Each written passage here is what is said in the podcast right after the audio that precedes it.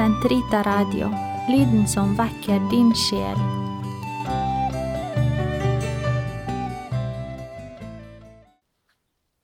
Den katolske kirkes katekisme, uke 20, tirsdag, paragraf 325 330. Himmel og jord. Apostlenes symbol bekjenner at Gud er himmelens og jordens skaper. Symbolet fra Nikea og Konstantinopel legger til alle synlige og usynlige ting.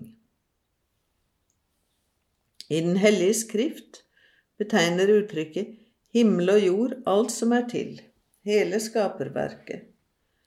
Det viser også til det som innenfor skaperverket både skiller himmel og jord ad, og det som binder dem sammen.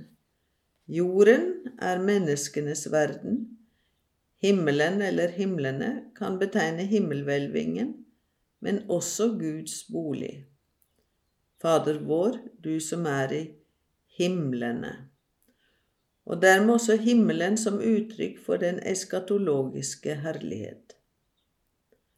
Endelig kan ordet himmel betegne det sted hvor de åndelige skapninger, englene, oppholder seg, de som omgir Gud.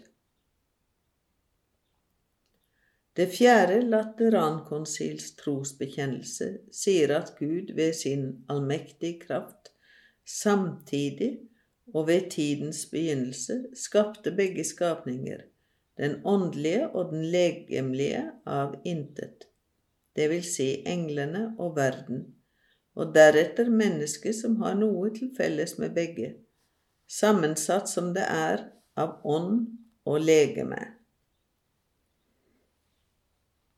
Englene Englers eksistens er en trossannhet. At det finnes åndsskapninger uten legeme, som Den hellige skrift vanligvis kaller engler, er en trossannhet. I så måte er Skriftens vitneprov like klart som en enstemmig tradisjon.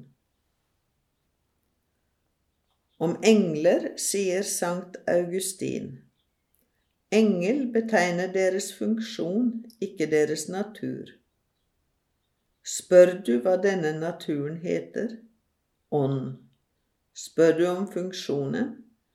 Engel, etter det den er, er det en ånd, etter det den gjør, en engel.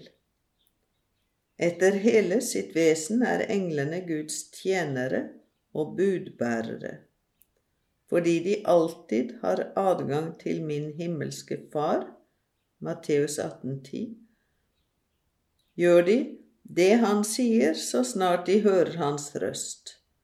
Salme 103, 20.